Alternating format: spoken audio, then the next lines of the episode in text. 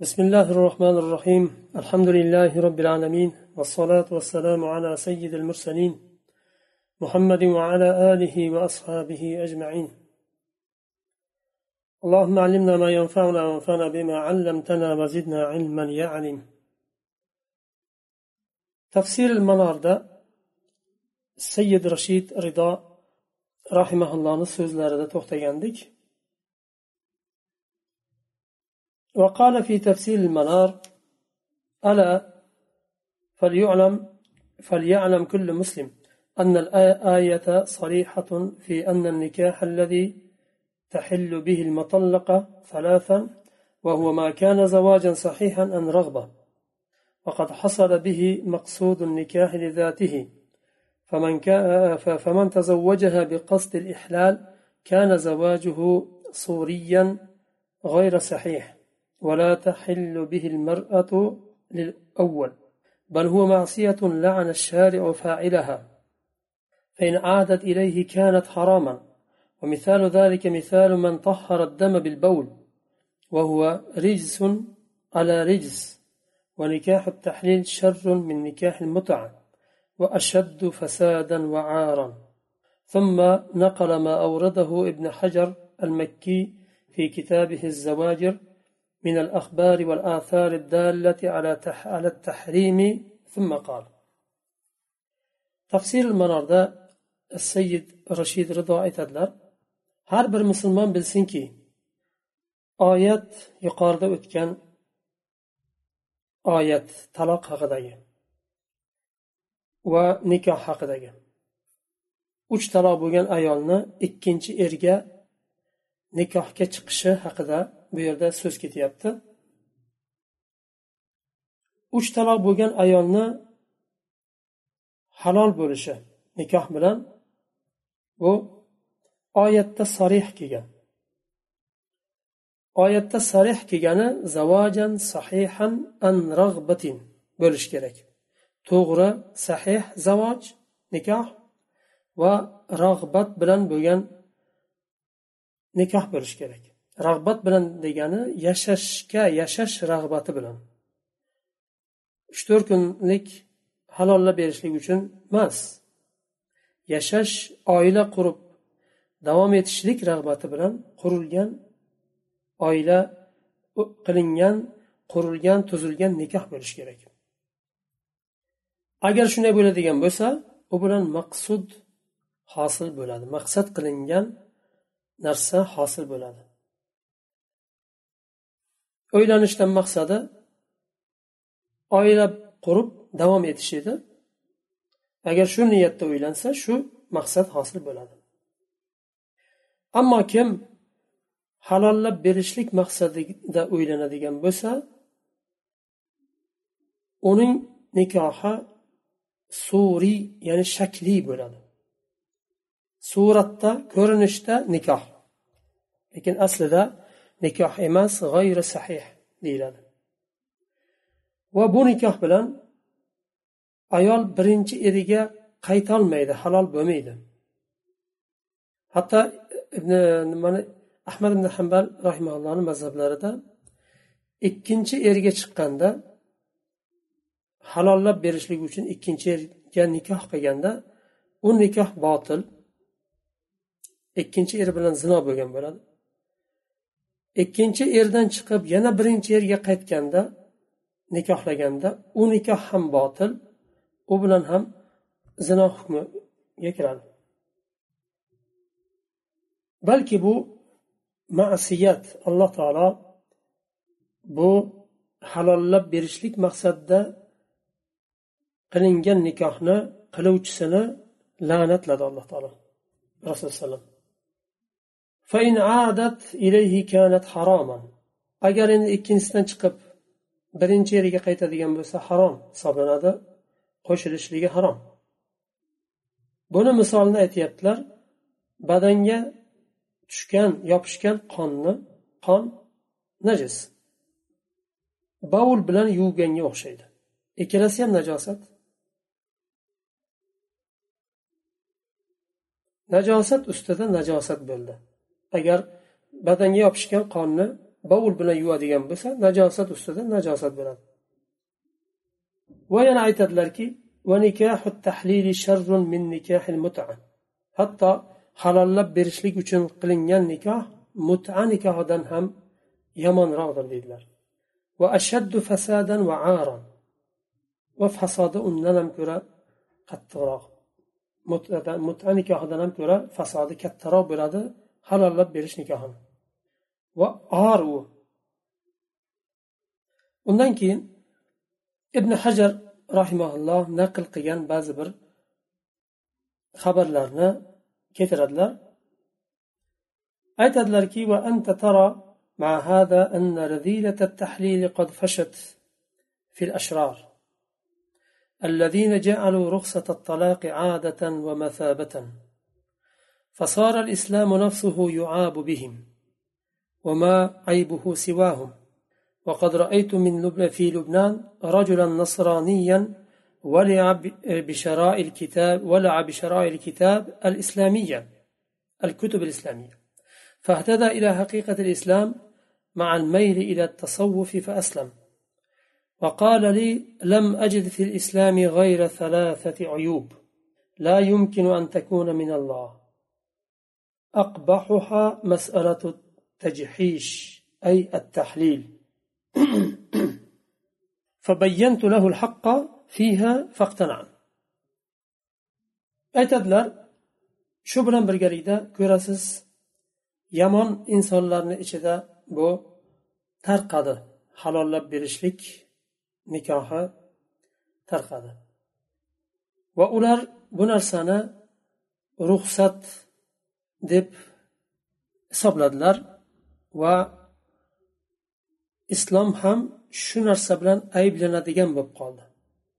Yoyinki islom izn beradigan chunki ular islomni otidan aytgandan keyin islomdan buni fatvo deb chiqargandan keyin bu islomga beriladigan islomga nisbatan aytilinadigan bir ayb bo'lib qoldi. Lubnanda deydilar bir kishini ko'rdim. Nasroniy xristian bir kishi. Islomiy kitoblarni sotib olishlikka haris holda ko'rdim. Va u kishi islomni haqiqatiga shu kitoblar orqali erishadi. Lekin tasavvufga biroz mayli nimasi bor edi. Ammo kitoblardan nimani ta'lim olib o'qib islomni haqiqatini tushunib islomni u kishi qabul qilgan. Va aytadilar menga u kishi shu nasroniy islomni qabul qilgan nasroniy aytdi men islomda uchta aybdan boshqa ayb topolmadim va shu uchta ayb ollohdan bo'lishligi mumkin emas degan. Bu nasroniyni aqlini kattaligiga dalolat qiladi. Ayb topdim deyapti. Islomda lekin bu ollohdan bo'lishligi mumkin emas deyapti. Nima uchun? Chunki allohdan allohni dinida ayb bo'lmaydi. Va aytadilarki eng xunigi bu ayblarni halollashlik nikohi deydi. Ya'ni shu nasroniy shu narsani xunuk deb tushungandan keyin endi islomga yaqinda kirgan musulmonlar qanday qabul qiladi buni hayron qolasiz. Chunki bir kishi ayolini boshqa bir ya'ni er buni erkaklik ham insonda agar erkaklik g'ururi bo'lsa ham qabul qilmaslik kerak ayolini ikki kun uch kun to'rt kunga bir kishiga berib ijaraga berganga o'xshab bu bunaqa narsa emas oila ahli ayol. Kelishib ikkalasi ho'p o'ylaning undan keyin qaytarib taloq qilasiz olaman deyishligi erkakdan kutilmaydigan narsa bu aqulu deydilar إن في التحليل مفاسد كثيرة نبه عليها العلماء وقد عقد العلامة ابن القيم في كتابه أعلام الموقعين فصولا فيها بيانها وقد طعن قوم في الشريعة الإسلامية لأنها أجازته وقد علم علمت الرأي الصحيح في الموضوع عن النبي صلى الله عليه وسلم وعن الصحابة والتابعين فالصواب ألا ينسب إليها حله والله المستعان. muallif rahimalloh aytadilar tahlilni mafsadasi juda ham ko'p va olimlar unga tanbeh bergan alloma ibn al qayim rahimaulloh alamul muvaqqiinda aytadilar kitoblarida. Aytadilar ba'zi bir qavmlar shariat shariatga nisbat nima bergan? Ya'ni shariat izn bergan bu halollab berishni deb shariatga aybni yuklashgan. Va bu narsada ma'lumki bu mavzu rasululloh sollallohu alayhi vasallamdan sahobalardan va tobiinlardan rivoyat qilingan. To'g'rirog'i bu narsa shariatga nisbat berilmaydi. Ya'ni buni halolladi shariat halolladi deyilmaydi. Chunki shariatda halollab berishlik mumkin emas.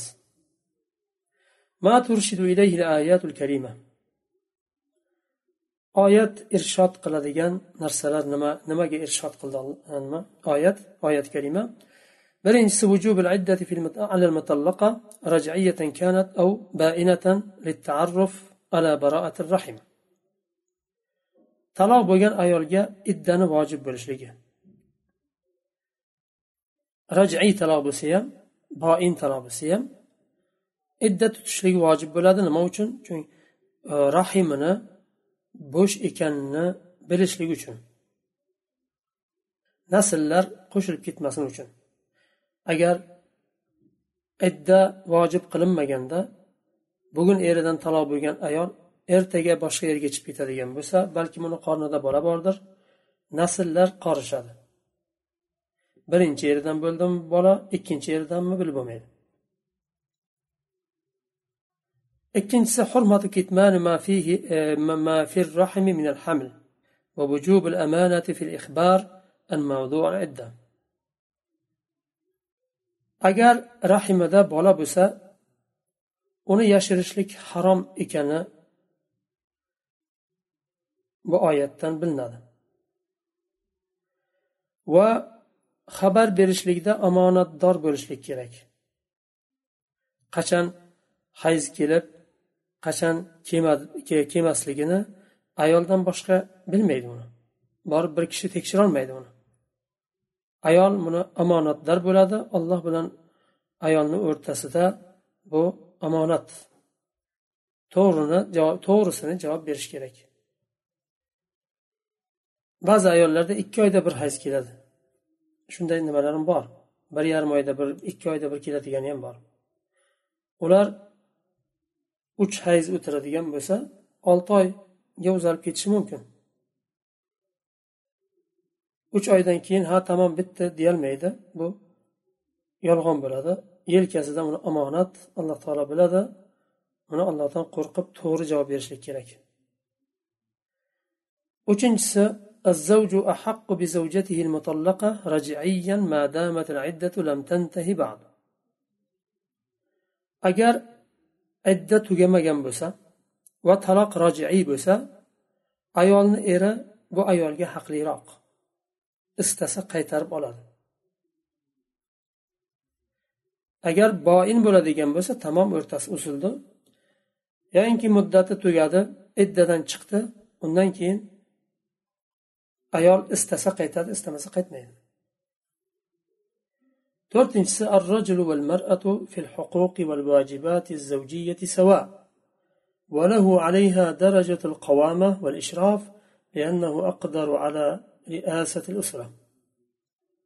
أيال بلن إركك حقوق وواجبات لاردة برخل إكال أسنم زم مسدا حق بار واجبات لار بار إركاك bir daraja ustun turadi oilani boshqarishligi va nimasi uchun? Oilaga sarf xarajat qilishligi va boshqargani uchun. Va oilani boshqarishlikka qodirroq bo'lgani uchun. Alloh taolo uni erkak kishini ayoldan ko'ra quvvatliroq yaratdi har taraflama. Aqlda ham jismda ham. Beshinchisi يملك فيه الزوج الرجعة مرتان فقط وفي الثالثة تحرم عليه حتى تنكح زوجا آخر نكاحا شرعيا صحيحا بقصد الدوام والاستمرار. roj'iy taloq ikkita bo'ladi shu ikkita taloq bilan qaytarib yana oilasini xotinini olishi mumkin uchinchisidan keyin tamom qaytarib ololmaydi. To boshqa bir erga nikohga chiqib qaytmaguncha. Va u nikoh ikkinchi erga chiqilgan nikoh to'g'ri shar'iy nikoh bo'lishi kerak halollash maqsadida bo'lmaslik kerak va hayoti zavjiyani davomli bo'lishligi maqsadi bilan ya'ni davomli yashash maqsadida o'ylangan bo'lishi kerak ikkinchi er oltinchisi zavojil xala javazul xala val iftida إذا كان ثمة مصلحة شرعية توجب الفراق خلع وافتداء joizligiga dalolat qiladi bu oyat hala ayol kishi eridan taloqni talab qilishligi Iftida uni evaziga mahridan tanozul qilishligi masalan bir qismini. Uchdan birimi ikkidan birimi yarimi yo hammasinimi qanday kelishsa. Chunki erkak kishi o'ylanishlik uchun sarflagan. Uni maqsadi davomli yashash oila qurish maqsadida bu sarfni qildi. Mahrni berdi. Masalan mahrni balkim katta mahr bergandir. Masalan bir kilo oltin bergandir. Uni nima maqsadda berdi? Ajralishlik uchun emas. Hayot qurib davomli yashash maqsadida berdi. Lekin bu maqsad hosil bo'lmadi. Oila buzilyapti. U holatda ayol kishi agar xola bo'ladigan bo'lsa ayol kishi tarafdan taloq talab qilinadigan bo'lsa bir sabab bilan shar'iy sabab bilan e, bo'ladigan bo'lsa bu. Chunki sababsiz ham taloq talab qilishlik mumkin emas shariatda. Va shu ajralishlikni vojib qiladigan bir shar'iy sabab e, nima sabab bo'lishlik kerak. U holatda er bu nimani fidyani olib talog'ini bersa bo'laveradi. Yettinchisi hurmatul idror بالزوجة لتفتدي نفسها من زوجها بالمال على الطلاق yettinchi masala bu yerda oyat dalolat qiladigan bir erkak uylangandan keyin ayoldan ajrashmoqchi bo'ldi ajrashishni istadi agar ajraladigan bo'lsa bergan mahrini ololmaydi ajralmayman deydi lekin xotiniga ko'p zarar beraveradi chunki xotin majbur bo'lsinki taloq so'rashga ya'ni xotinni taloq so'rashga majbur qilish uchun xotiniga zarar berishligi mumkin. Davomli. Bezor bo'lib ketgandan keyin axiri qoy shu bergan mahringni yarmini beray yo bir bir qismini beray yo hammasini beray mani talog'imni ber deyishi mumkin. Shu maqsadda xotiniga davomli zarar berishlik harom. oyat karima shunga dalolat qiladi. Sakkizinchisi la ba'sa bi'awdati al-mutallaqati ila zawjiha al-awwal idza tallaqaha az-zawj ath-thani ba'da al-masas birinchi eridan ajralib boshqa bir erkakka tekkan ayol agar ikkinchi eridan ham ajralib chiqsa yana birinchi eriga qaytishlikda hech qanday zarar yo'q. shariat buni izn berdi. Oyat kalima shunga dalolat qiladi va sharti ikkinchi eri bilan jinsiy aloqa bo'lish bo'lgan bo'lishligi shart. Nikohni o'zi kifoya qilmaydi. Shu yerda to'xtaymiz. Bihamdik. Ashhadu an la ilaha illa ant astag'firuka va atubu ilayk.